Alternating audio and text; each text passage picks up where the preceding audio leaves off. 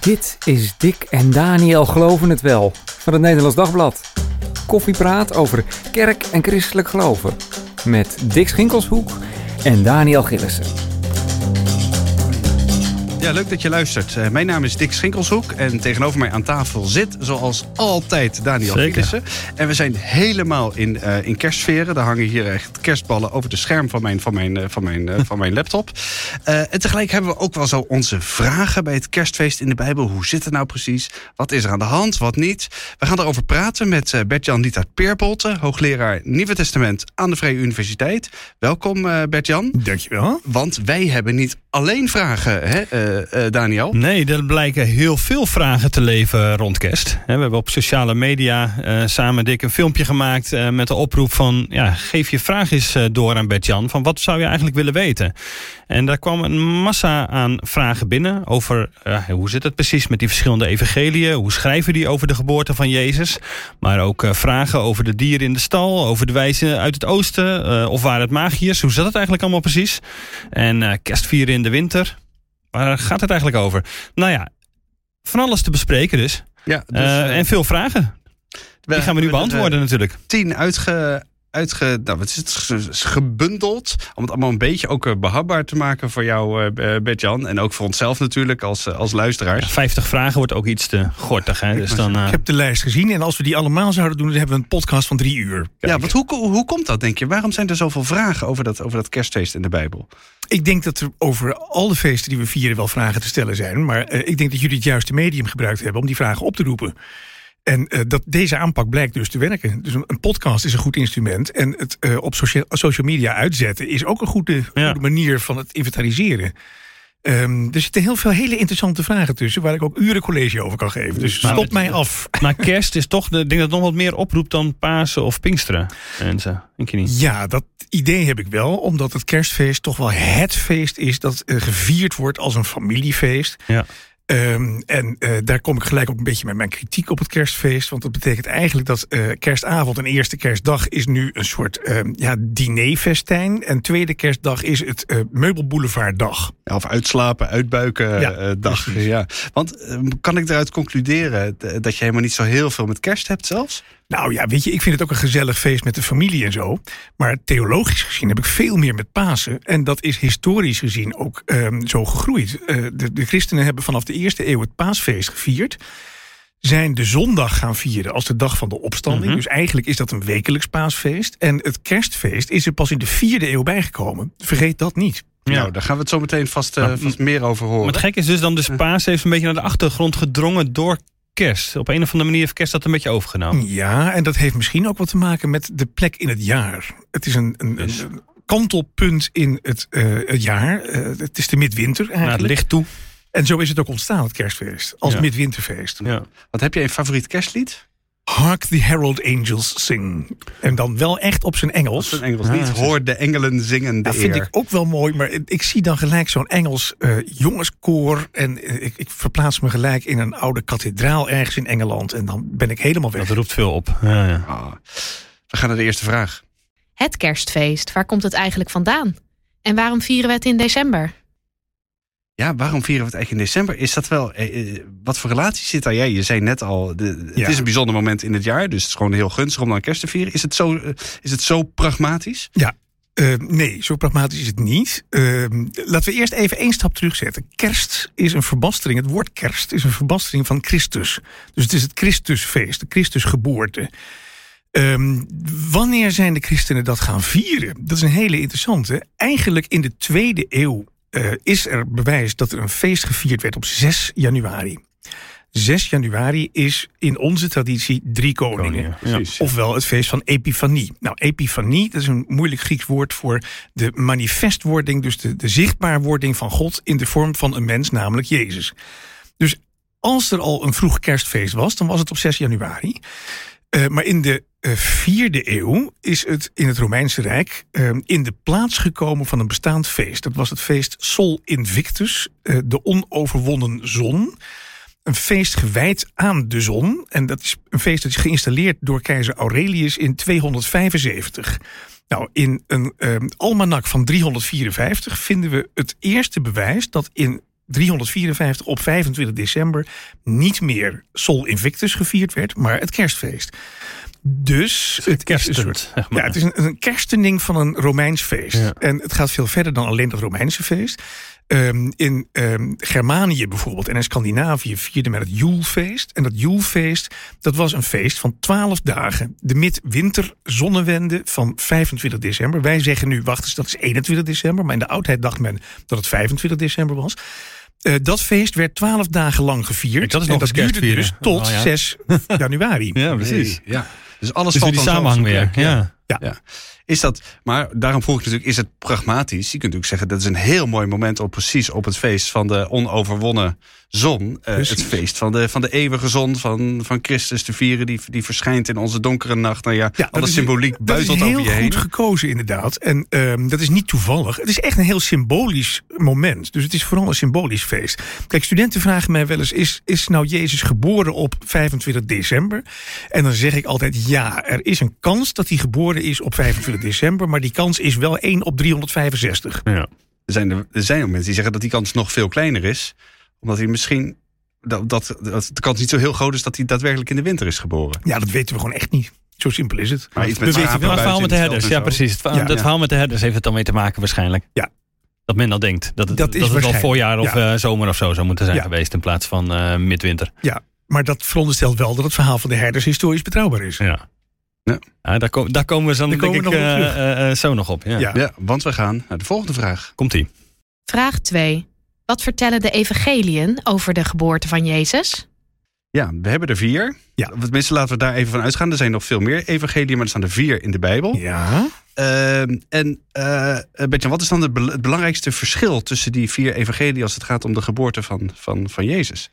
Nou, eh, allereerst is heel frappant dat twee van de vier helemaal niets vertellen over de geboorte van Jezus. In eh, Marcus en in Johannes komt de geboorte van Jezus niet voor. Eh, Johannes opent met een soort gedicht. Op, eh, in het begin was het woord en het woord was bij God en het woord was God enzovoort. En er wordt uitgelegd dat het woord, dus het principe van de schepping, dat dat Jezus Christus is. Maar dat is geen gedicht over de geboorte van Jezus. Dat gaat over de herkomst. Dat is echt iets anders. Nou, daar houden we er twee over. Matthäus en Lucas. Matthäus, als je dat goed leest, hoofdstuk 1 en 2 van Matthäus, dat is eigenlijk heel frappant, want Matthäus vertelt niks over de geboorte van Jezus.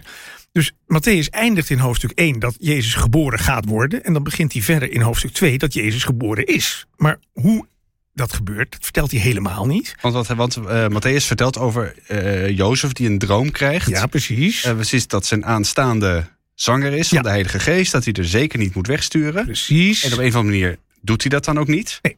En uiteindelijk wordt dan Jezus geboren. En dat is eigenlijk maar een opzet, op maat moet ik zeggen, naar de komst van de wijzen uit het oosten. Dus het gaat direct verder met het verhaal van de wijzen uit het oosten. Dus gek genoeg vertelt Matthäus dus eigenlijk helemaal niks over de geboorte. Behalve dit ene aspect dat Jezus in Bethlehem geboren zou zijn. Nou, dan gaan we naar Lucas. Want daar komt het uh, complete kerstverhaal voorbij. Ja, kijk, het, het, dat, dat complete kerstverhaal in Lucas... dat zit zelfs zo tussen mijn oren... dat ik ook ogenblikkelijk de NBG 51-vertaling hoor... als ik er dan denk, het geschiedde in die dagen... Ja. dat er een bevel uitging vanwege keizer Augustus... dat het gehele rijk moest worden ingeschreven. Ja. Lucas 2 vers 1. Ja, exact. Ja. nou ja, dat is het kerstevangelie natuurlijk. Uh, wat nou zo interessant is... Dat is dat um, die twee verhalen van Matthäus en van Lucas... dit zijn hele verschillende geboorteverhalen... Uh, maar in de manier waarop we daarmee omgaan... en dat is echt al sinds de oudheid... worden ze in elkaar gevlochten. Mm. Dus dat, wat, dat noemen we dan met een, een, een technische term... een evangelieharmonie. Je ja, harmoniseert Want, want we zien die herders en die wijzen... de herders uit Lucas en de wijzen uit Matthäus... zien we ineens samen in de stal ja, staan. Die zitten in één verhaal en die komen dan ja. samen in de stal. En liefst staan daar dan ook nog een os en een ezel bij. Ja. Nou, die komen helemaal niet voor in de Bijbel. Die komen voor in een uh, laat uh, pseudo-Matthäus-evangelie. Ja, wat is het, zesde eeuw misschien, zevende eeuw zelfs. Um, en daar wordt dan wel een verhaal verteld van de geboorte van Jezus. Uh, namelijk, hij is geboren in de herberg. En vervolgens na drie dagen verkast Maria haar baby naar een stal. En in die stal staan een os en een ezel. En dan volgt er een citaat uit Jezaja 1 vers 3, even Precies. uit mijn hoofd. -hmm. um, de os kent zijn heer en de ezel kent zijn meester, maar Israël kent God niet.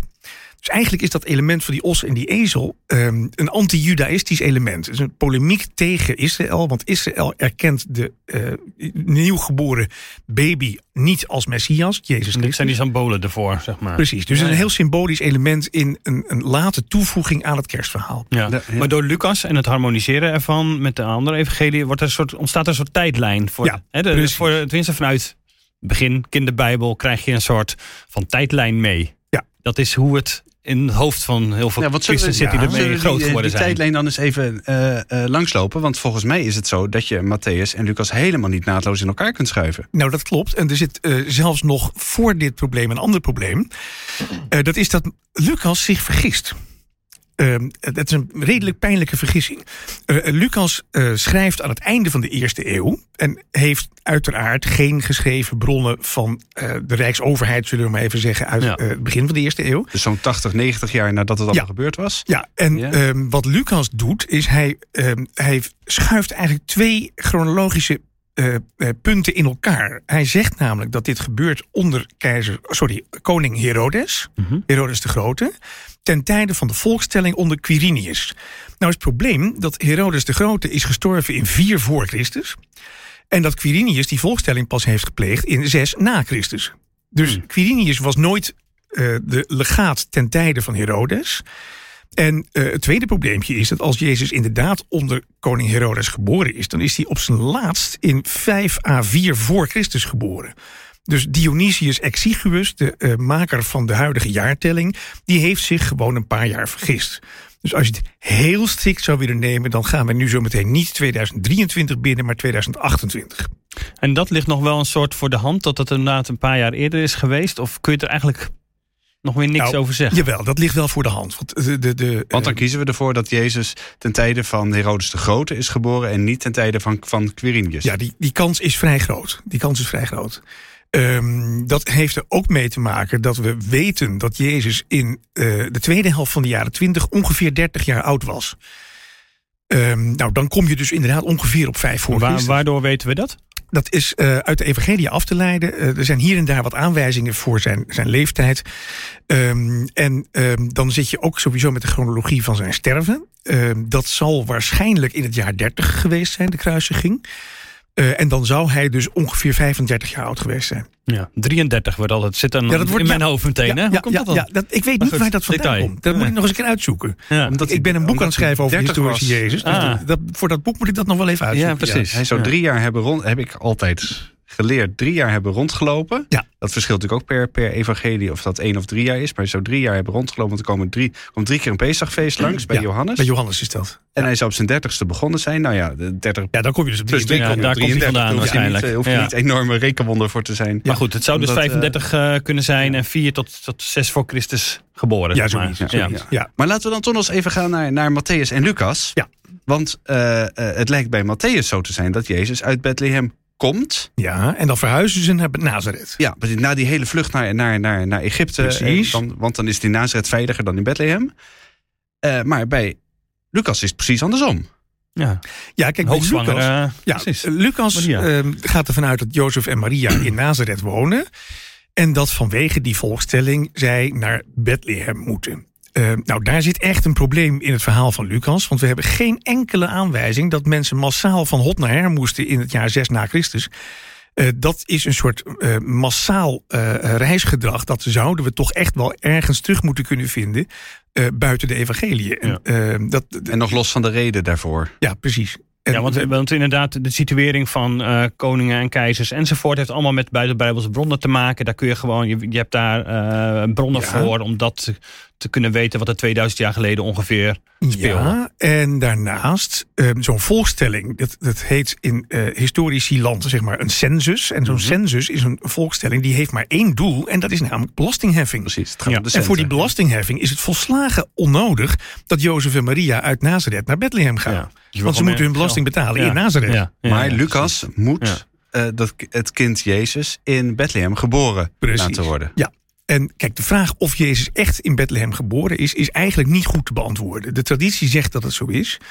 Um, en ik sluit het zeker niet uit. Zeker niet. Maar ik kan het ook niet met harde bewijzen bevestigen. Maar als hij in Bethlehem geboren is, is het weer niet zo voor de hand liggend dus dat Jozef en Maria uit Nazareth kwamen. Dan is het weer logischer dat ze. Ja, dat zou je dan denken. Maar ja, waarom gaan ze dan verhuizen naar Nazareth? Dat is ook wel een interessante vraag. Dus het lijkt er een beetje op dat de beide evangelisten met het probleem zitten dat Jezus geboren zou moeten zijn in Bethlehem, maar dat hij Jezus uit Nazareth heet.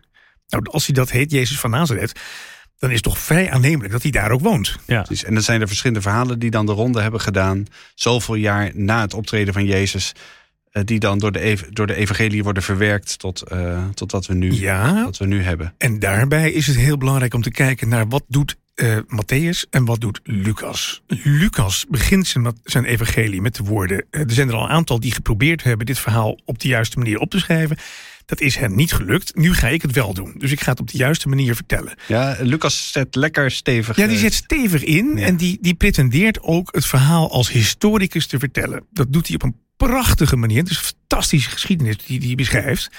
Um, en als je het kerstverhaal neemt, dus het geboorteverhaal in Lucas 2, um, ehm, wat ik daar altijd ontzettend uh, spannend aan vind, dat is de manier waarop Lucas neerzet. Het, het begint allemaal met een bevel vanwege keizer Augustus. Dat is degene die macht op hemel en aarde heeft. Hmm. En hij gaat over leven en dood. Hij bepaalt alles wat er gebeurt. En dan komen Jozef en Maria door die macht van keizer Augustus terecht in een onooglijke stal achteraf bij een kot in uh, Bethlehem. En daar wordt de echte koning van de wereld geboren. Dus die ironie tussen de grote geschiedenis en de kleine geschiedenis. En die kleine geschiedenis blijkt dan vervolgens de echte grote geschiedenis. Dat is een fantastisch element in het Lucas-evangelie. Um, kijk je naar Matthäus, dan doet Matthäus het op een hele andere manier. Matthäus is voortdurend bezig om te laten zien dat wat er bij Jezus gebeurt een bevestiging is van een profetie uit het Oude Testament. Dus dat verhaal van de wijze uit het oosten, dat is een uh, verwijzing naar nummerie 24, waarin uh, ja, mensen uh, een ster zien. Het verhaal en, van, van Biliam. Ja, precies, Biliam. Die gekke, die gekke profeet die ergens ja, vandaan komt. Die hele gekke profeet. Dat is een hele wonderlijke figuur. De pratende ezel was het toch? Ja, ja precies, met die pratende, pratende ezel. ezel. Ja. Daar, daar zijn over, dat is niet voor nu, maar er zijn geweldige discussies over gevoerd. wat die ezel dan precies mhm. zegt. en hoe het kan dat die ezel kon praten. Ja. Maar dat is misschien voor een andere aflevering. Ja, ja, dat leek me heerlijk. Ja, die is heel leuk. maar dat is, dat is dus bij de wijsheid. Over de wijsheid Oosten komen we zo meteen nog, uh, nog uitgebreid. Uh, maar nog even een vraagje hier. Want uh, ik zeg, het wordt een, hij, Lucas vertelt een prachtig verhaal, zeg maar. Ja. Uh, ja. En hij maakt die vergelijking tussen de aardse uh, keizer en de hemelse keizer eigenlijk, uh, de, qua God hoe um, voor een deel van de christen natuurlijk best belangrijk van ja, het moet zo gebeurd zijn. Zeg maar. ja. die, die, de symboliek is wat minder relevant misschien wel dan het feit het is waar. Uh, en ja, het is ook zo en, gebeurd. Ja. Hoe, hoe kijk jij daarnaar? Nou, ik kijk daar zo naar dat um, als ik bij mijn studenten bereik dat ze aan het einde van mijn vakken zeggen: hey, wacht, de Bijbel is een tekst. We hebben hier te maken met een geschreven versie van een verhaal. Dus geschreven versies van verhalen. Um, dan ben je al een heel eind. Um, ik, ik kan niet heel goed beoordelen wat precies wel waar is en wat precies niet mm -hmm. waar is in, uh, in deze verhalen. Um, ik denk wel dat het heel belangrijk is om te realiseren dat het verhalen zijn. En dat die verhalen opgeschreven zijn om ze te onthouden. Dat ze ook opgeschreven zijn met een bepaalde tendens, zo noemen we dat dan. Dus ze willen iets van je.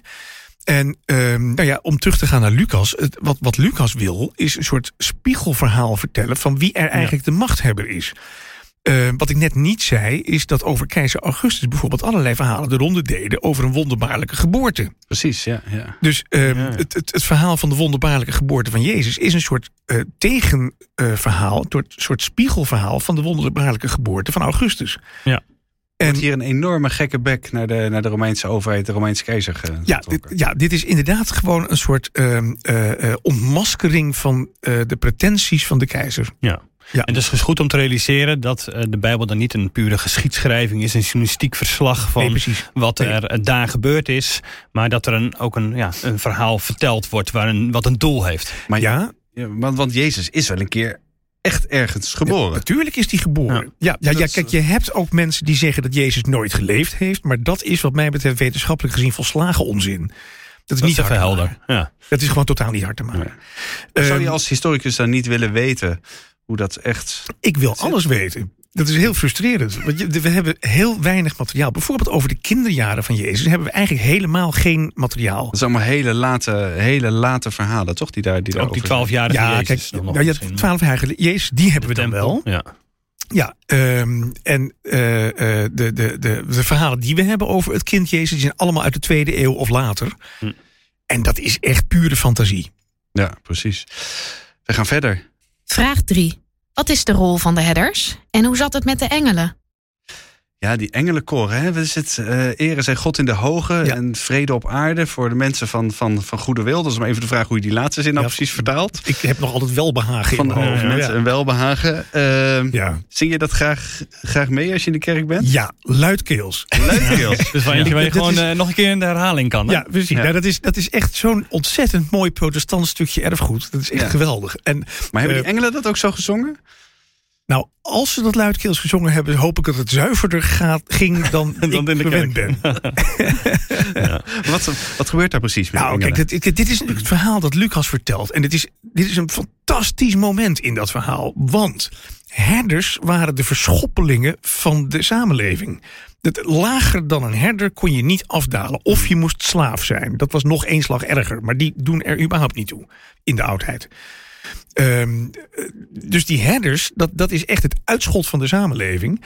En het feit dat Lucas het verhaal vertelt over de nieuwgeboren koning, die eigenlijk de machthebber is in plaats van Augustus, en dat laat aankondigen, niet in het paleis van koning Herodes, maar aan herders die in het veld liggen, daar is niets romantisch aan. Dat maken wij ontzettend romantisch. Al die herdertjes in het veld. En ach, die wat lief die schaapjes. Precies, die herdertjes die lagen bij nachten enzovoort. Allemaal zo gezellig. Niets gezelligs aan. Dit is een spijkerhard verhaal. Ja, er was niks gezellig aan in die tijd als herder te zijn. Dat was, dat was levensgevaarlijk. Ja. Want je, kijk, je, lag uh, inderdaad bij nachten in het veld. En een herder die buiten het dorp of buiten de stad is... die is prooi van een rover. Of van wilde dieren. Dus die herders die hadden een heel zwaar en moeilijk leven. En echt, het, het, was dus gewoon zeg maar echt het uitschot van de samenleving. Zo werden ze gezien. Als je niks kon worden, dan, dan werd je herder. Ja, ja um, juist aan hen wordt door de engelen bericht gedaan van de geboorte van de Messias. Dus er zit ook een soort politieke strategie in dat verhaal. En Lucas zet die politieke strategie voort, want hij is in de rest van het evangelie degene die verreweg het meeste opkomt voor de armen en de hmm. verschoppelingen. En die de grootste en belangrijkste rol aan de vrouwen toedicht. Dus het zijn de categorieën die in de eerste eeuw nou juist niet de machthebbers waren.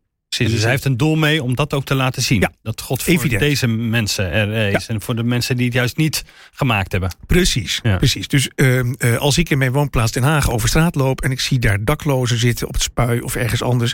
dan denk ik, nou dat zijn de mensen aan wie dit evangelie verkondigd zou zijn door de engelen. Wat je ook zegt over de minste van mijn broeders, zeg precies, maar. Dat, uh, dat verhaal. Ja, dat is dan weer Matthäus 25. Dus het zit ook in Matthäus. Maar toch, dat, dat punt inderdaad. Is het dan ook nog van belang dat buiten de, de, de stad van David het herders zijn. Die, David was zelf ook een herder. Ja. Uh, aan wie, aan, aan dat zou goed kunnen. Dat zou goed kunnen. Ik, ik kan de link niet in de tekst vinden. Maar het is wel een associatie die ik ook heb.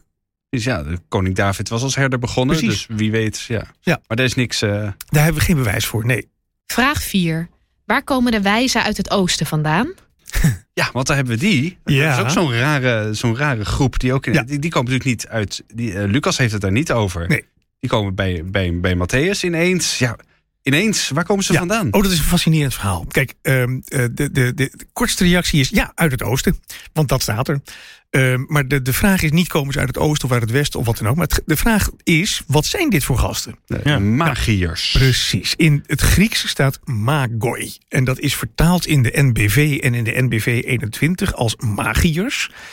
Um, en ik heb mij de afgelopen dagen uh, ermee bezig gehouden om eens na te vragen: hoe zit dat nou? Want we kennen ze als de wijzen uit het oosten. Ze staan in uh, de nieuwe vertaling als de magiërs uit het oosten. Drie koningen. En ze staan precies in de traditie kennen we ze als de drie koningen. wat, nou, ik heb het helemaal uitgezocht. Nou, Gaan we er nou, even voor zitten? Vertel, vertel. Ja, um, het volgende is het geval. In Matthäus is sprake van magoi uit het oosten, zonder een aantal. Dus er komen lieden uit het oosten. En een magos in de oudheid, dat is een tovenaar. En dat is een sterrenkijker. Iemand die kijkt naar de sterren om te zien wat er gaat gebeuren. Um, dus die term is al in de eerste eeuw een lastige term om te vertalen. Um, eerst even de drie en de koningen. Uh, wat gebeurt er? In het einde van de tweede eeuw is er een uh, auteur Tertullianus.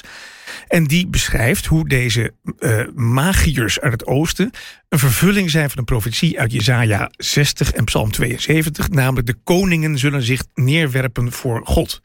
Dus Tertullianus maakt aan het einde van de tweede eeuw die magiërs koningen. Hmm. Vervolgens, in de derde eeuw, zegt Origenes... ja, maar wacht eens even, die komen met drie geschenken. Goud, mirre en wierook. Dus dan waren er drie.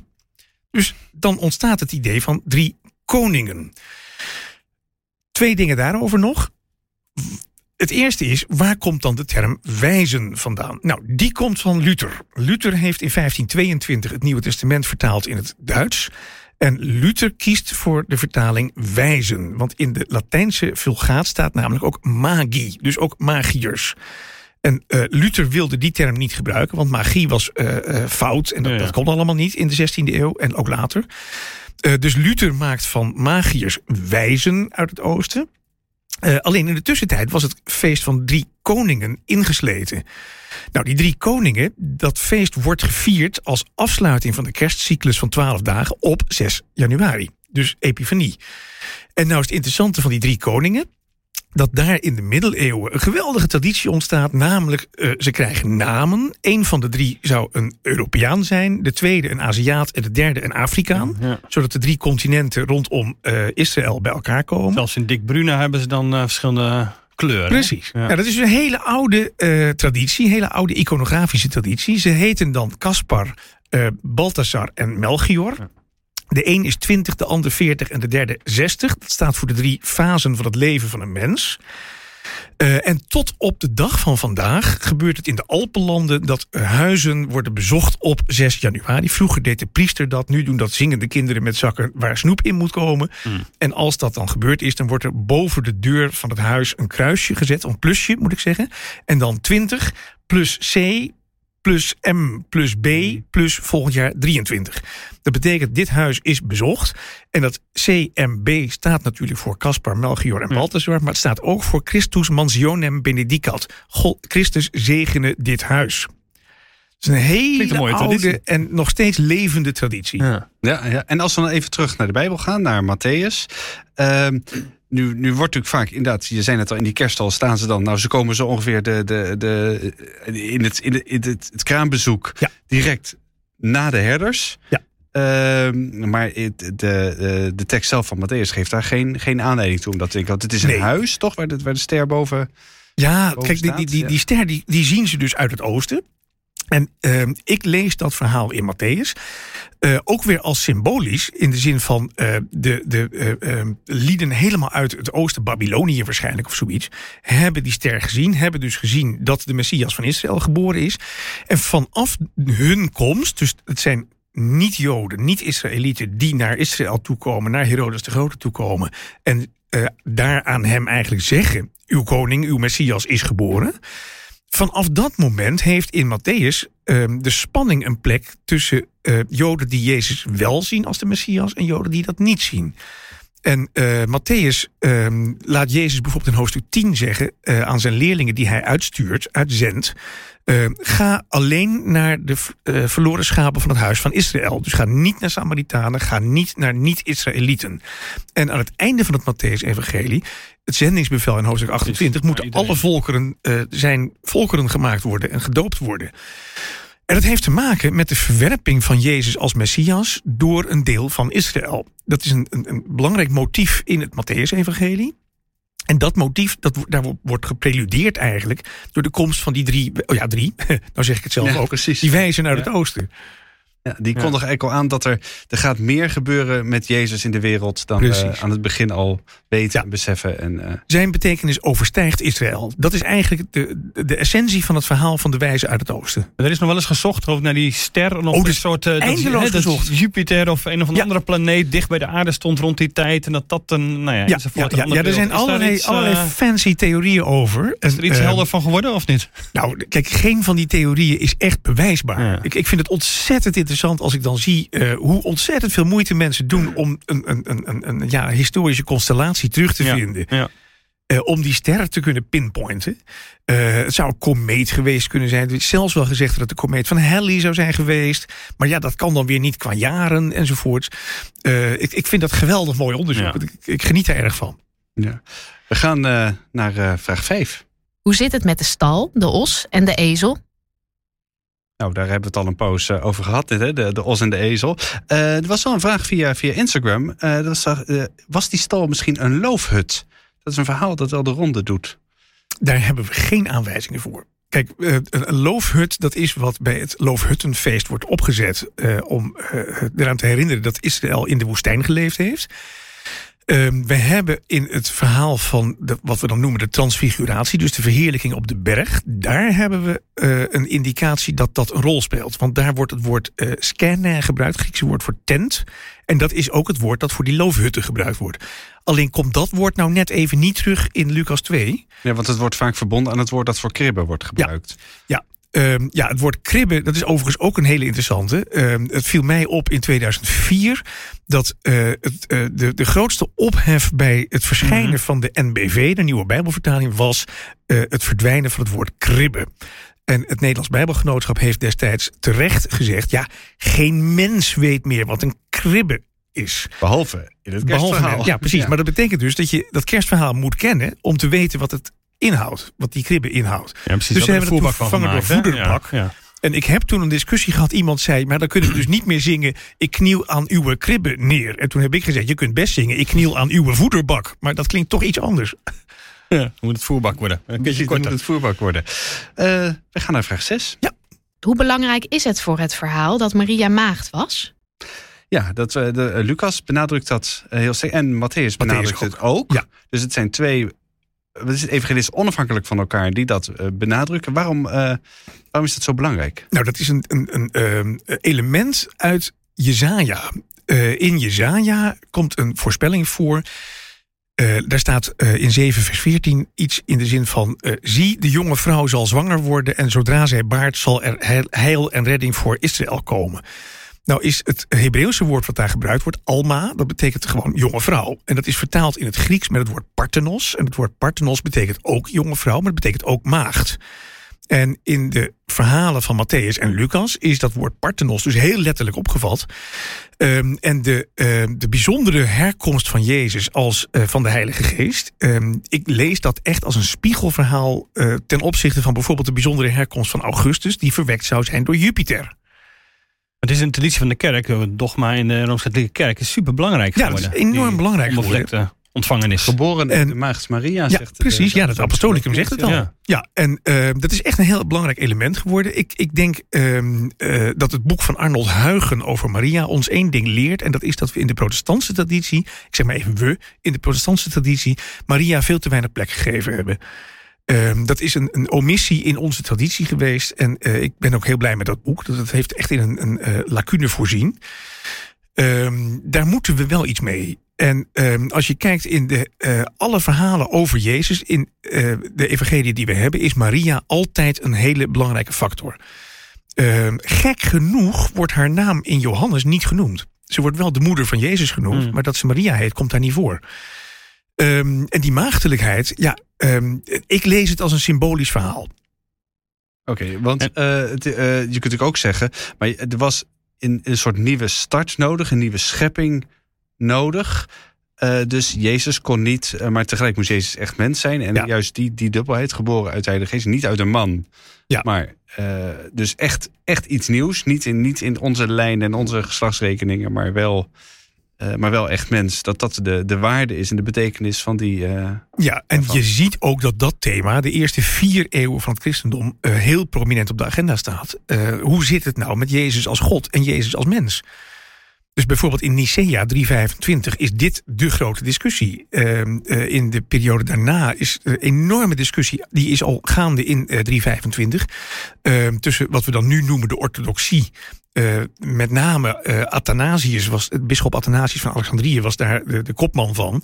En Arius. En uh, dat is een discussie in de vierde eeuw waar wij ons vandaag weinig meer kunnen, bij kunnen voorstellen. Ehm, de discussie ging namelijk over de vraag: is Jezus Christus nou mede schepper of het eerste schepsel? En uh, Athanasius heeft gezegd: hij is mede schepper, want hij is God. En Arius zei: nee, hij is de eerste schepping van God. Ja, nou, dus, dus heel hoog, maar, maar net niet. Maar niet, net, net niet zo hoog als God zelf. En uh, ja, dat, dat is een discussie. eigenlijk ging die discussie in de vierde eeuw over één Griekse letter. En ehm, de, de, de ene groep zei hij is gelijk aan God. En dat is uh, in het Grieks homoousios, gelijk van wezen aan God. En de andere groep zei hij is gelijkaardig aan God. Dan is het homoiousios. Dus die ene jota, dat ene j-klankje, dat heeft de gemaakt verschil. Ja. Ja. Ja. Maar nog even over die maagdelijke, uh, dat, dat maagdelijke dus. Uh, het zal voor sommige christenen die zeggen, ja, hallo, het kan toch gewoon een wonder gebeurd zijn, zeg maar. Ik sluit dat niet dus uit. Die, hoe, hoe, kijk jij daarnaar? waarom nou, het idee van we willen daar een verklaring voor vinden? Ja, het kan eigenlijk niet. Dat snappen we allemaal. Ja. Uh, dus, maar ja, voor God uh, is niks uh, te verwonderlijk, dus dat zou kunnen. Ja, kijk, hoe, hoe als, als, wetenschapper kan ik daar eigenlijk niks over nee. zeggen. Als gelovige sluit ik dat niet uit. Nee. zo simpel is het. En wat ik wel opvallend vind, is de afwezigheid van Jozef in de evangelie. Ehm, dat is een heel opvallend motief. Ehm, Jozef komt eigenlijk na dat geboorteverhaal helemaal niet meer terug. Ja, met de twaalfjarige Jezus in de tempel, maar daarna hmm. niet meer. En um, de, uh, het, het, meest waarschijnlijke is daar dat uh, Jozef gewoon jong is overleden. Of misschien niet jong, maar dat uh, er een enorm leeftijdsverschil was tussen Jozef en Maria. Ja, wat in die hm. tijd ook vrij gebruikelijk was. Ja, ja. kijk, um, het is voor onze cultuur um, heel gek, maar meisjes van 13 werden geacht huwbaar te zijn. Dus heel veel uh, vrouwen trouwden als ze 13, 14 waren. Ja. Dus het zou heel goed kunnen zijn dat Maria inderdaad een, een tiener was. Ja, want als we ons even proberen uh, in haar te verplaatsen. Uh, ongetrouwd zwanger. Dat, was, dat was toch. Nou, dat, Zeer kwetsbaar. zat in de, in de buurt van een ramp. Ja, dat is een ramp. Dat is niet in de buurt van een ramp, dat is een ramp. En uh, in de loop van de eeuwen is dat ook opgepakt uh, door tegenstanders van het christendom. Bijvoorbeeld Celsus rond 160. Uh, die vertelt, ja, dat, dat kan helemaal niet, die maagdelijke geboorte. Je, Maria is gewoon verkracht door een Romeinse soldaat, Pantera genoemd. Oh, hij, had, in, hij had zelfs de naam erbij. Ja, ja en in, uh, dat is, die, die legende die ging dus in de tweede eeuw. Mm. Uh, dat is waarschijnlijk een antichristelijke uh, vertelling uit Joodse kring. want Celsus beroept zich ook op Joodse informatie hier. Dus wat je aan dat soort discussies ziet... is dat de gemoederen tussen Joden en christenen... Mm. in de eerste twee eeuwen echt heel hoog opliepen. Op. Ja. Ja. Ja. Vraag 7. Wat weten we nog meer over de kinderjaren van Jezus? Ja, je had het net al even over de, de 12-jarige Jezus in de tempel, maar daar houdt het zo ongeveer op, hè? Ja, dus het antwoord op deze vraag is niets. Niets. Ja, daar kunnen we heel kort over. gaan we door. We kunnen, ja, we kunnen, we kunnen ook even kijken naar wat voor materiaal hebben we dan wel over de kinderjaren van Jezus. Nou, ik zei er straks al, we hebben materiaal uit de tweede en latere eeuw. Fantasie en dat is, noemde je het. Ja, dat is echt pure fantasie. Dat is echt, pure fantasie. Je, je hebt daar uh, bijvoorbeeld het kindheidsevangelie van Thomas of het protevangelie van uh, Jacobus. Ehm, en uh, bijvoorbeeld in het kindheidsevangelie van Thomas, daar komen uh, ja, de volgende fragmenten voor, volgende uh, verhalen voor. Ehm, Jezus is aan het spelen als klein kind en hij krijgt ruzie met zijn buurjongetje. En hij zegt val dood en het buurjongetje valt dood. En uh, krijgt met een ander kind ruzie en doet dat nog een keer. En de ouders komen woedend bij Jozef en Maria en zeggen: Doe wat aan dat rotjoch voor jullie. Dit kan zo niet. En ze nemen Jezus onder handen, die naar buiten loopt, in zijn handen klapt. De kinderen staan weer op en spelen verder. Uh, of uh, Jezus had een wat macabere hobby. Zijn vader was timmerman. En uh, als kind stond hij in de timmerwerkplaats kruisjes te maken. Nou, dat soort verhalen doen de ronde over Jezus. Of Jezus is aan het spelen met klei. En hij kleidt een paar vogeltjes die hij in het water legt. Hij klapt in zijn handen en ze vliegen weg. Ja, dit, ik kan dit niet anders zien dan, dan volksvermaak en, en, en fantasie. Dat is het echt. Er zit niets historisch in. Dus het, het frustrerende voor de historicus, maar ook voor, ook voor de gelovigen is dat we eigenlijk over de jaren tot aan het openbare optreden van Jezus zo goed als niets weten. Wanneer, ook nog een vraag als uh, uh, wanneer zou Jezus zichzelf gerealiseerd kunnen hebben dat hij de, de zoon van God was? Ja, nou ja, kijk, dat is de grote vraag. Of hij zich dat gerealiseerd heeft. Uh, dat, ik, ik zei al, ik ben dat boek aan het schrijven over de historische Jezus. Dit is een van de kernvragen waar ik op in moet gaan. Uh, hoe zag Jezus zichzelf? Uh, zag hij zichzelf bijvoorbeeld als Messias? En als dat zo is, betekent dat ook dat hij zichzelf zag als zoon van God? Nou, even heel kort. Ehm, ik denk dat Jezus zichzelf wel degelijk zag als Messias. Uh, en dat leid ik af uit een aantal uh, uitspraken van Jezus die we in de Evangelie aantreffen. En een rol die hij zichzelf daarin toedicht. Maar vooral leid ik het af uit het feit dat hij twaalf leerlingen om zich heen verzamelt. Uh, die staan voor de twaalf stammen van Israël. Nou, dat doe je alleen als je de pretentie hebt Israël te willen hervormen en daar de leider van te zijn. Dus dat Messiaanse, dat zit er heel duidelijk in, denk ik, bij de historische Jezus. Dat wil niet zeggen dat hij zichzelf ook zag als zoon van God. Want daar is de, de volgende vraag te stellen: wat houdt dat in, zoon van God? In Griekstalige Joodse teksten komt die term voor als een vroom mens. Dus een vroom mens is een zoon van God. Zoals we nu een, een, een kind van God zouden ja, kunnen precies. Ja, precies. Um, en um, ik denk eerlijk gezegd dat in de eerste eeuw, eerste twee eeuwen, um, die term zoon van God een soort eretitel was die niet ja, sorry dat ik het wat ingewikkeld zeg, niet ontologisch bedoeld was. Dus niet filosofisch bedoeld was. Uh, en die filosofische speculatie, die komt dus in de vierde eeuw. Ja, want wie was Jezus dan, dan echt? Wat was, wie was hij dan? Ja. En hij kan niet alleen mens zijn geweest. Precies. en dan gaan, dan gaan we proberen na te denken, Ja. te, te duiden wat dan precies, nou, wie Jezus nou precies was. Nou, ik, dat- dat, ik zie dat als volgt. Ehm, als je kijkt naar het rechtssysteem in de oudheid, dan is een gezant de representant van de zender. Dus iemand die komt namens iemand anders, die spreekt met het gezag van degene die hem gezonden heeft. Dus als Paulus zegt: Ik kom als gezant, apostolos, en ik spreek tegen jullie namens Christus, dan is hij op dat moment Christus. Nou, als Jezus spreekt namens God, dan representeert hij God, dan is hij op dat moment dus functioneel God, zullen we maar zeggen. En dat is ook een element, dat vind je in het evangelie van Johannes heel sterk benadrukt. Dus de vader en ik, die, Ja, die wij zijn één. Wij zijn één, ja. Ja, en ik denk dat, dat ehm, eh, die taal is in de eerste eeuw functioneel. Dus een functionele representatie van God, die ertoe leidt dat je kunt zeggen: Jezus spreekt namens God, Jezus spreekt als God, Jezus is God.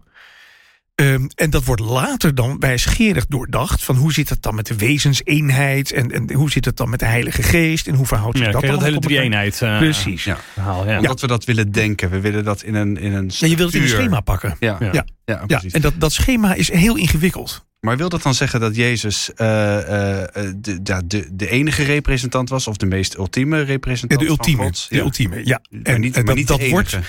Ja, nou ja, kijk, dat wordt uiteindelijk in dat trinitarische gesprek wordt dat wel de enige. Dus de, wat, wat begint als dit is het hoogtepunt van al die gezanten die God gezond, gezonden heeft, dat wordt uiteindelijk Dus al die dit is de gezant. zijn. Ja. Precies.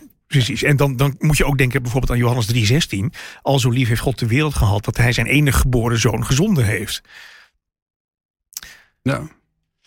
We gaan naar de volgende vraag. Vraag 8. Jezus' ouders vluchten met hem naar Egypte. Waarom eigenlijk naar Egypte? Ja, dat is een element in het Matthäus-evangelie. Ehm, dat, ik, ik noemde het straks al Celsus. Eh, dat is een hele interessant om even te vertellen. Dan kom ik terug op de vraag. Celsus zegt, Jezus was een Want Celsus was magier. die, was die kritisch. eh, Die, Ja, Jezus, die criticus, Celsus hè? was een criticus van de christenen. Die moest niets van de christenen Hmm. hebben. En die vond dat de christenen het volslagen verkeerd begrepen hadden. Dat Jezus was een oplichter. En ehm, ze zijn weggelopen uit het jodendom. Hadden ze nooit moeten doen. Ehm Celsus zegt... Jezus was een oplichter. Hij was namelijk een magos, een magier. Nou, dat is precies de term die in eh, Matthäus 2 gebruikt wordt voor de eh, magiërs uit het oosten. Hij was een magier en daarbij ook nog een oplichter. En waar heeft hij dat geleerd? Jawel, in Egypte. Dus daar, daar kende... konden ze het. Exact. Ja, want dat was het, het bloednest van de magiërs. Eh, Babylon of Egypte. Nou, Celsus pakt dus dit element uit het Matthäus-evangelie op... om het om te keren tegen Jezus. En eh, Jezus ervan verdacht te maken dat hij een oplichter was. Ehm, wat doet Matthäus nou met dat verhaal? Matthäus is eh, in het begin van zijn evangelie bezig om bouwsteen na bouwsteen neer te zetten. Om het argument op te bouwen dat alles wat er bij Jezus gebeurd is, eh, gebeurde omdat het zo was voorzegd door de profeten. En ehm, dat hele verhaal over eh, de kindermoord in Bethlehem Mhm. en daarvoor vluchten naar Egypte, dat loopt uit op een vervullingscitaat eh, van Micha en een paar andere versen die er doorheen spelen. Eh, eh, dit is gebeurd opdat in vervulling zou gaan datgene wat voorzegd is: ik zal mijn zoon roepen uit Egypte. Dus eigenlijk is dat, dat verhaal. Ik heb geen idee of het verzonnen is door Matthäus. of dat het historisch betrouwbaar kan Ja, we zijn. kunnen niet eh, nagaan of Jezus Nee, in niets, Egypte niets van te vinden. Nee, en het probleem met die kindermoord is dat we, we weten van de meest vreselijke moordpartijen door Herodes. Ja, dus het zou prima kunnen. Hij kan, eh, heeft gekke dingen gedaan, deze Herodes. Ehm, ja, keizer Augustus heeft zelfs ooit eh, over Herodes gezegd: je kunt beter zijn varken zijn dan zijn zoon. Hmm. En dat is omdat Joden varkens niet vermoorden, maar Herodes zijn zonen wel vermoorden. Dus Herodes was een ongekend wrede tiran. Ja. En het, het, het zou niet out of character zijn, die Nee. kindermoord in Bethlehem. Maar we hebben buiten Matthäus geen enkele aanwijzing dat het gebeurd is. Dus het, het, het kan gebeurd zijn, het kan ook niet gebeurd zijn. Dat weten Kan we het ook niet. gebeurd zijn inderdaad, maar dat het te klein was om dat inderdaad op te schrijven? Omdat er voor die tijd nou, van alles gebeurde of dat Bethlehem een onbetekenend dorpje was? Ja, dat kan ook. Dat, dat, dat- Ja, ja, weet je, dat het vervelende. Bethlehem was een onbetekenend dorpje, Nazareth ook. En de geschiedschrijving houdt zich in de oudheid niet bezig met de onbetekenende dorpjes. Nee, precies. Het gaat om de grote stad. Ja, en de elite daarvan dan met name. Ja, ja, ja. Vraag 9. We eten iets lekkers met kerst. We zorgen voor gezelligheid. Niemand mag eenzaam zijn. In hoeverre hebben al die rituelen van nu met het Bijbelse kerstverhaal te maken? Hm. Ja, nou ja, Bert-Jan, je zei net al aan het begin dat je van kerst als familiefeest in elk geval heel veel hield. Maar heeft dat Ja. enige bijbelse basis, om dat maar even zo te, zo te vragen? In het geheel niet. Nee, dat het spijt erg? me om het zo te moeten zeggen, Ja, maar vind ik, vind het ook nee, ik vind het niet erg. Oh. Nee, weet je, kijk, het, het kerstfeest is een feest. En ehm, de religieuze dimensie van het kerstfeest is de komst van de verlosser in de wereld. Ehm, ik zei er straks bij de opening al, ik heb eigenlijk veel meer met Pasen, want dat is een veel belangrijker feest wat mij betreft. Eh, theologisch gezien, maar ook existentieel gezien. Daar gaan we Eh, hier nog een keer over praten gewoon. Dan gaan we een paas ja, dat is leuk. Spreken. Ja. Kom, ik kom over een paar maanden wel terug. Ja. Maar ehm, kijk, het, het kerstfeest is echt een familiefeest geworden. Eh, dat heeft denk ik alles te maken met het moment. Midwinter, eh cocooning, het zijn de donkere dagen. eh, we gaan toe naar het licht dat weer gaat schijnen. Dus ze zetten lichtjes We versieren aan. ons Ja. huis. Nou, dat, is, dat is een geweldige geschiedenis. Als je bijvoorbeeld kijkt naar de introductie van de kerstboom. Die is in Nederland in de 19e eeuw geïntroduceerd. En eh, dat was de overgrootvader van een kennis van mij. Een predikant die de kerstboom geïntroduceerd heeft... om mannen uit, het- uit de kroeg te houden. Hij heeft toen een kerstboom geïntroduceerd in Nederland met als argument... mannen, ga met je vrouw die kerstboom optuigen... en maak er iets gezelligs van in de familie. Eh, dus dat, is- dat, dat het echt... Een- ik, was, een- ik zat al even te denken, hoe moet je dat dan zien? Maar hoe krijg je mannen uit de kroeg door een boom in huis te zetten? Maar Nou, zij moesten die boom in huis zetten. Dat, dat, dat, was, hun- dat was zijn idee. een. Wel een avondje bezig. Dus dan eh, Ja, precies. Ja, Moet je En ophakken, ja, hè, de je had natuurlijk geen, geen Heijn, waar je die kerstbomen verkocht. dus je moest zelfs zo'n ding gaan kappen. Eh, Luther was een warm voorstander van de kerstboom bijvoorbeeld. Ehm, dus dat het een, een- echt een familiefeest geworden is. Ik, ik schat dat dat echt in de 19e eeuw gebeurt. Dat het echt familiefeest wordt. Ehm, en eh, wat ik er wel heel eh, interessant en ook hoopgevend aan vind... dat is dat wel in brede kring mensen kijken van... wacht eens eventjes, wie valt er nou buiten de boot? Wie zitten er alleen met kerst? En, Ja. en wie zijn er dit jaar iemand kwijtgeraakt en zitten in de rouw met kerst? En wie leven er op straat? En wat kunnen we daarvoor doen? Dus dat, de, dat aspect van het kerstfeest, dat familiefeest... dat heeft aan de andere kant ook wel weer iets heel moois... eh, omdat het namelijk ook mensen alert maakt op eh, mensen in de knel. Ja, En dat is wel wat ik noem de geest van kerst. Dat is de geest van kerst. Ja. Ja, dat is ook, dat is ook zo'n woord geworden. De geest van kerst. Ja. Ja. Ja. Eh, en de, eh, om even over die andere. Sorry, we moeten even over die ene vreselijke figuur hebben. Die, eh, die, die kerstman. Ja, ja, ja, ja, ja. Ja, dat is, dat is een geweldig vandaan? verhaal. Dat is een geweldig verhaal. Waar komt de kerstman vandaan? Wel nu, in eh, de middeleeuwen vierden men, vierde men ook in Nederland al het feest van Sint-Nicolaas. Nou, Sinterklaas. Sint Nicolaas. Ja. Sint-Nicolaas. Eh, in eh, rood en wit gehulde bisschop. Die eh, eh, op de een of andere manier in Spanje terechtgekomen was. Dat is ook een leuk element in het Sinterklaasverhaal. Want Nicolaas was bisschop in Mira in de vierde eeuw. En dat ligt toch echt in het huidige Turkije. Ja. Dus ik vermoed, dat weet ik niet met zekerheid. Maar ik vermoed dat de link van Sinterklaas met Spanje. Dat dat een link is uit de 16e eeuw. Toen Nederland vocht tegen de katholieken in Spanje. Weet ik niet helemaal zeker. Zou ik nog eens een keer moeten uitzoeken. Maar goed, eh, Sint-Nicolaas was populair in de middeleeuwen. En na de reformatie wilden protestantse landen als Nederland en Engeland... eh, eigenlijk geen heilige verering meer toestaan. Dus Sint-Nicolaas was een beetje een besmette figuur geworden. Uh, nou heeft dat in Nederland er niet toe geleid dat Sinterklaas werd afgeschaft. Maar in Nee, Engeland bijvoorbeeld wel. En in, in Frankrijk ook. Uh, en uh, daar vierde men vervolgens niet meer Sinterklaas of Sint-Nicolaas, maar kerst. En daar kwam de figuur van Father Christmas, vadertje kerst. Nou, vadertje kerst is natuurlijk een symbool voor God zelf. En wat er daarna gebeurt is heel fascinerend. Um, er wordt een Nederlandse kolonie gestart, gestart in Noord-Amerika. Uh, Nieuw-Amsterdam, nu tegenwoordig bekend als New York. En daar komen twee tradities bij elkaar. Daar komt Father Christmas uit Engeland en Sinterklaas uit Nederland. Die komen bij elkaar. En Father Christmas trekt de kleren van Sinterklaas aan en wordt verbasterd in het Engels tot Santa Claus. Sinterklaas, Santa Claus, Ja. de kerstman. Daar komt de kerstman hem. vandaan. Ja. Dus het heeft dus niet met een of andere drankenmerk te maken... die dat vervolgens nog even lekker eh Nou, die hebben het wel commercialiseerd heeft. Ja, die hebben het uitgemolken, maar Ja, ja. Het, het is niet door, de drank, eh, door het drankenmerk Nee, gesticht, is- zeg maar. Nee. En eh, het fenomeen Tweede Kerstdag, Ja, dat is een overblijfsel van de negende eeuw. De negende Ja, eeuw. ik heb het even uitgezocht. In de negende eeuw, ik meen in 819 of 816, is er een synode in Mainz. En daar wordt besloten nu toch maar te stoppen met 12 dagen kerstfeest. Dat was een beetje veel. Maar dat, dat vonden de werkgevers. eh, Ja, dat vond men niet zo goed. waren mensen met, eh, Ja, en eh, eh, er moest ook wat gewerkt worden Ja. inderdaad. Dus toen hebben ze gezegd, nou weet je wat, we, we stoppen met 12 dagen kerstfeest. We houden wel die kerstcyclus aan. En op Epifanie eindigen we de kerstcyclus. Vandaar ook de traditie dat je de kerstboom uiterlijk op 6 januari wegdoet. Ehm, En toen hebben ze gezegd, weet je wat, we gaan naar vier dagen kerstfeest. Nou, die vier dagen kerstfeest die zijn in de middeleeuwen afgesleten tot drie dagen kerstfeest. En in de 18e eeuw heeft Nederland het besluit genomen de derde kerstdag af te, eh, af te schaffen.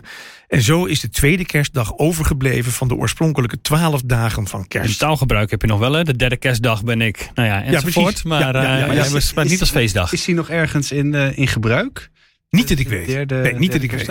Nee, en volgens mij zijn er ook vrij weinig landen die nog een tweede kerstdag hebben. Je hebt in Engeland Boxing Day. Eh, dat is wat onze tweede kerstdag. En eh, eh, wij vieren tweede kerstdag. Maar bij mijn weten hebben bijvoorbeeld eh, Duitsland en, en eh, de Alpenlanden en zo hebben helemaal geen tweede kerstdag. Maar Zoals je al zei, de woonboulevard zullen het graag in stand houden. Ja, precies, kerstdag. precies, dat wel leuk. Ja. Vraag 10. Vrede op aarde, zongen de engelen. Maar dat bleek ook in 2022 wel erg ver weg.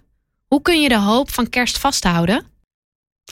Ja, Ja, dat is wel een hele grote vraag. We hebben natuurlijk een heel ingewikkeld jaar eh, achter de rug. We dachten, nou ja, vorig jaar kerst was natuurlijk nog coronakerst. Ja. Dat lijkt er dit jaar gelukkig eh, niet op. Maar ja, er zijn wel heel veel andere dingen. eh Bert-Jan, hoe, eh, hoe hou jij het een beetje hoopvol? Nou, ik, ik ga terug naar de eerste eeuw. En dan denk ik, wij, wij hebben met z'n allen een beetje de neiging om te denken dat als er een oorlog woedt, dat dat een uitzonderingssituatie is. Eh, in de eerste eeuw was dat geen uitzonderingssituatie, maar de norm. Dus eh, we, we gaan er een beetje van uit, maatschappelijk gezien, dat geluk de norm is en dat ongeluk eh, pech is. Eh, in de oudheid was dat anders. Ongeluk is de norm en geluk is uitzonderlijk mooi. Hmm.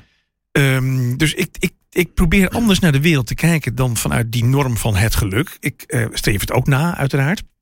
En vrede, als je gaat naar het Lucas-evangelie, dat is geschreven in een knalharde context. Ehm, en als daar dan vrede aangekondigd wordt in een wereld vol oorlog, vol strijd, vol honger en vol armoede, eh, dan is dat niet niks. Eh, nou, dat, dat element in het kerstevangelie, dat zou ik willen overbrengen naar vandaag. Als vandaag vrede wordt aangekondigd, dan zie ik dat eh, als een opdracht. Dus het evangelie van kerst is voor mij een opdracht. Zorg voor die vrede. Eh, zorg voor die vrede in jezelf. Zorg voor die vrede in je huis. Zorg voor die vrede in je werk. Zorg voor die vrede om je heen. En dat is niet een geringe opdracht. Nee, dat is het zeker niet. Ehm, en als je dan kijkt naar eh, de, de, de belofte daarvan. eh er wordt vaak gezegd, is het? het wordt vaak een onderscheid gemaakt tussen Jezus' eerste komst en zijn, en zijn tweede komst. En nu straks niet meer in, wat is het niet meer in nederigheid, maar in heerlijkheid. Die, Mhm, die, eh, ja. die, die, die dubbelheid. Is dat iets wat, wat ook voor jou een rol speelt? Ja, in zekere zin wel. Kijk, ik, ik, ik hoop op een goed einde op, van de wereld en alles. Ehm, maar voordat het zover is, eh, kijk ik met name naar die opdracht van jongens, ehm, die vrede, dat is echt iets waar wij aan moeten werken. Nee, je gaat niet achterover zitten en eh, maar eens even Het kijken komt hoe- wel. Nee, dat, God- dat kunnen we ons niet veroorloven. gaat, eh, want dat, die, die, die, dat, dat hebben we ons nooit kunnen veroorloven, maar nu al helemaal niet meer. Uh, gezien de maatschappelijke situatie, uh, we zijn maatschappelijk heel erg gepolariseerd en er, er leven grote problemen in de samenleving. Uh, we hebben echt een armoedeprobleem en dat wordt erger nu de energieprijzen zo gigantisch gestegen zijn. Ik, ik, zie echt mensen om me heen die zo meteen hun gasrekening niet meer kunnen betalen. En dat, ja. dat gaat echt nare dingen opleveren. Dus je zegt een oproep aan ons allemaal om, om ons daarvoor in te zetten. Ja. En voor die ja, betere en wereld. En dan, dan, hebben we het nog niet eens over het klimaat gehad. Nee. Nee, nee dus... En voor lange termijn staat er nog heel wat uh, op ons te wachten. We hebben een opdracht. Ja, denk ik wel. Dus al met al trek je met kerst niet te veel terug in uh, je eigen huis en in de eigen gezelligheid. Maar kijk vooral naar buiten, ga naar buiten. Ja, Uh, of, of trek je juist wel even terug om daarna versterkt en wel naar buiten te kunnen gaan. na die twaalf dagen. Ja. Naar de oliebollen. Dit sluit wel weer aan bij volgende week, uh, Dick. Als we tot Helders Volks uh, op bezoek hebben. Ja, dat klopt. We hebben volgende week hebben we uh, dakloze Frank uh, hier op bezoek in de podcast. Samen met uh, vrijwilliger Christina van den Berg van Inloophuis Wal 125. Van tot, tot Helders Volks in, in Amsterdam. En zij gaan aan ons uitleggen hoe het is om, om dakloos te zijn. Wat je ook precies kunt doen voor daklozen. Ze komen naar je toe. Ze vragen om geld. Moet je dat nou geven of niet? Wat is dan een goed Ja. idee? Frank. Ja weet er alles van als dakloze. Gaat het ons uitleggen. Eigen ervaring vertellen. Dus ik ben heel benieuwd wat dat, uh, wat dat wordt. Uh, Bert-Jan, jij bedankt voor al je uitleg op deze tien vragen van ons. We hebben natuurlijk nog veel meer vragen voor je. Maar ja, het houdt een keer op. Het is volgend jaar weer kerst. ja, dat is ook wel weer hoopgevend uh, ja. natuurlijk. Eh, jij ook bedankt voor het luisteren. Als je deze podcast geluisterd hebt, eh, like ons. overweeg een abonnement. Ga ervoor naar nd.nl slash abonnement als je ons werk wil steunen. En voor nu wensen we je ontzettend goede en mooie feestdagen.